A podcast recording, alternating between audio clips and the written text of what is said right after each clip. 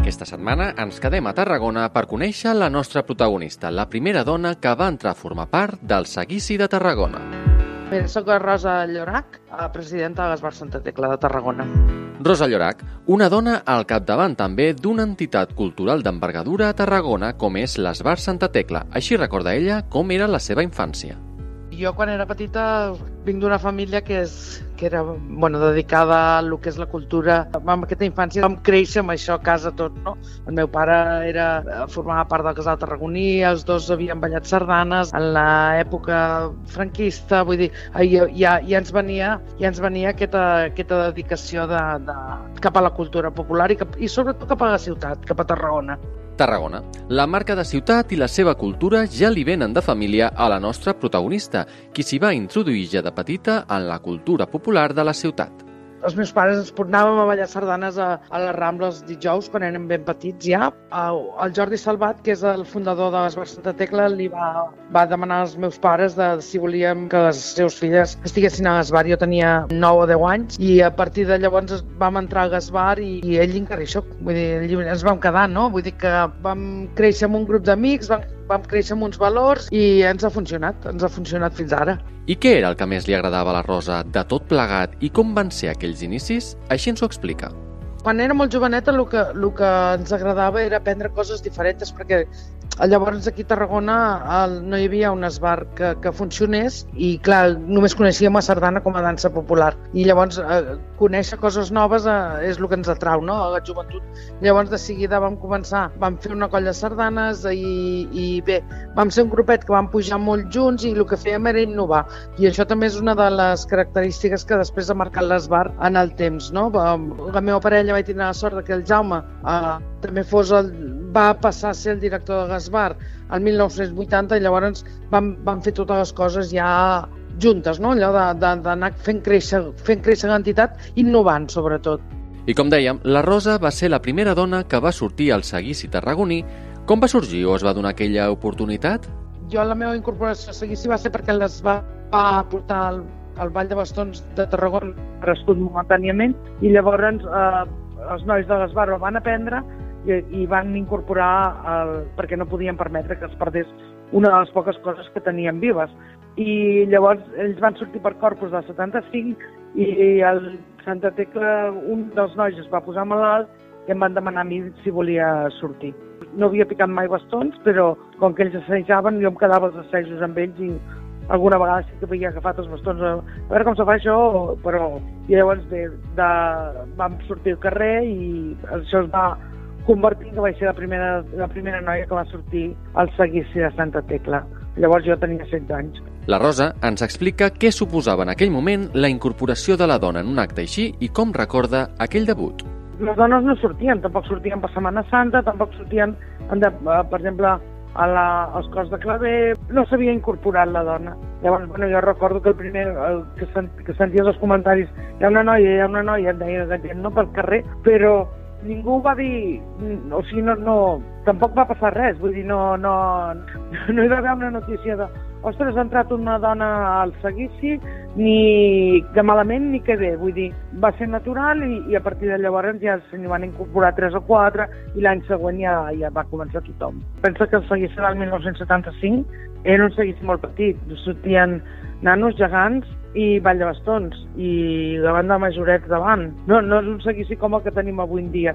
Llavors, a veure, per mi particularment no em vaig plantejar res perquè vaig dir, bueno, els hi falta una persona, doncs allà vull. Són les ganes de, de, de, de fer les coses, no? I llavors eh, vaig tindre la sort de que, que feia de parella amb mi, va rebre uns quants cops els dits més d'un normal, perquè clar, jo anava badant. I clar, me deia, vols fer favor de mirar els bastons? Perquè mm, estem per la feina. Sense més, o sigui, va ser una actuació més. Jo ballava sardanes, ballàvem no, nois i noies, homes i dones, i ballàvem a les barques, també ballàvem en parelles. Per tant, per mi sortir al carrer amb ells era el més normal del món.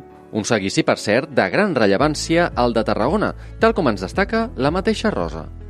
La importància del seguici, tenim un seguici a Tarragona, que és un dels de, potser més nombrós, jo més gran, no?, de, de, de, de, num, de número, i jo crec que Tarragona té la gran sort de que les entitats han fet un seguici molt potent, perquè el teixit associatiu que tenim a Tarragona és molt, és molt potent, perquè podia ser, també hi ha la comissió assessora que ha ajudat a, a que les coses funcionin dintre d'una normativa de, de, de coherència i de criteri, que això és bo, i clar, quan pensa que quan se va començar va ser amb els ajuntaments democràtics que ens van demanar als dos esbars que, que, que tenim a Tarragona que aportéssim alguna dansa el, el, el seguissi, no? Llavors, als anys 80 vam, vam aportar alguna dansa que no era tradicional d'aquí, però això va ser del 80, 81, 81, 82 i el 80... Llavors ja es va decidir que teníem que anar per danses que hi havia hagut aquí i vam començar en el 85 el Ball de Cercolet i les gitanes, després, bueno, s'hi han anat incorporant i llavors penseu que cada any no ha parat de créixer aquí, sí. no ha parat de créixer fins que se va posar potser una miqueta de, de, de mesura de dir cuidado que, que, que, no, que no ens podem fer tan grans, no? Perquè, perquè al final eh, estem recuperant el que, el que ha passat des de l'arribada del braç fa 700 anys, però hi ha hagut o sigui, tots els balls no sortien sempre. Per tant, ara estem recuperant el de 700 anys o de 700 ocasions tots junts. Llavors, cada vegada no hi cabrem. Però com a Tarragona és un orgull tindre aquest seguici. La Rosa és presidenta actualment i des de fa anys i anys de l'Esbar Santa Tecla. Sabeu què és, oi? Bé, potser els que no sou de Tarragona no. Tranquils, ens ho explica. L'Esbar Santa Tecla és una entitat, aquest any farem 52 anys de, de vida, vam, vam fundar-nos el 71, per una necessitat de que a Tarragona no hi havia mm, cap esbar i llavors volíem, volíem agafar una força cultural aquí a la ciutat. No? Això ha anat creixent i realment som una de les entitats punteres culturalment a Tarragona.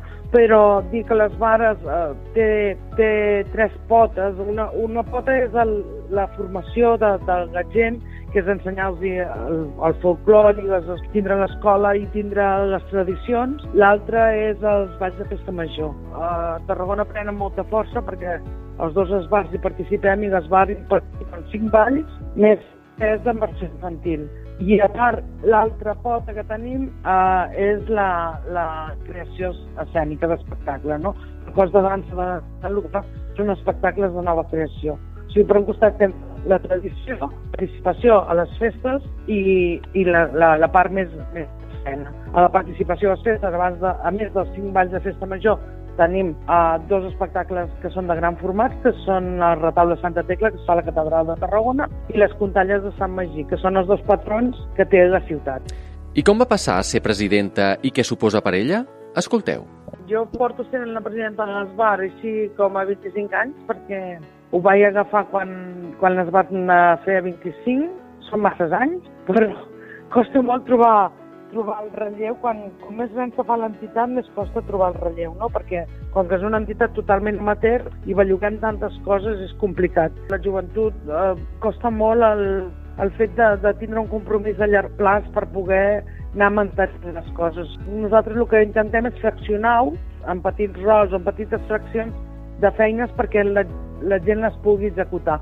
I el meu càrrec quasi bé és un càrrec de, de, de representació, no? O sigui, la feina no la faig jo. O sigui, sí que em faig, però la meva feina és la representació de l'entitat.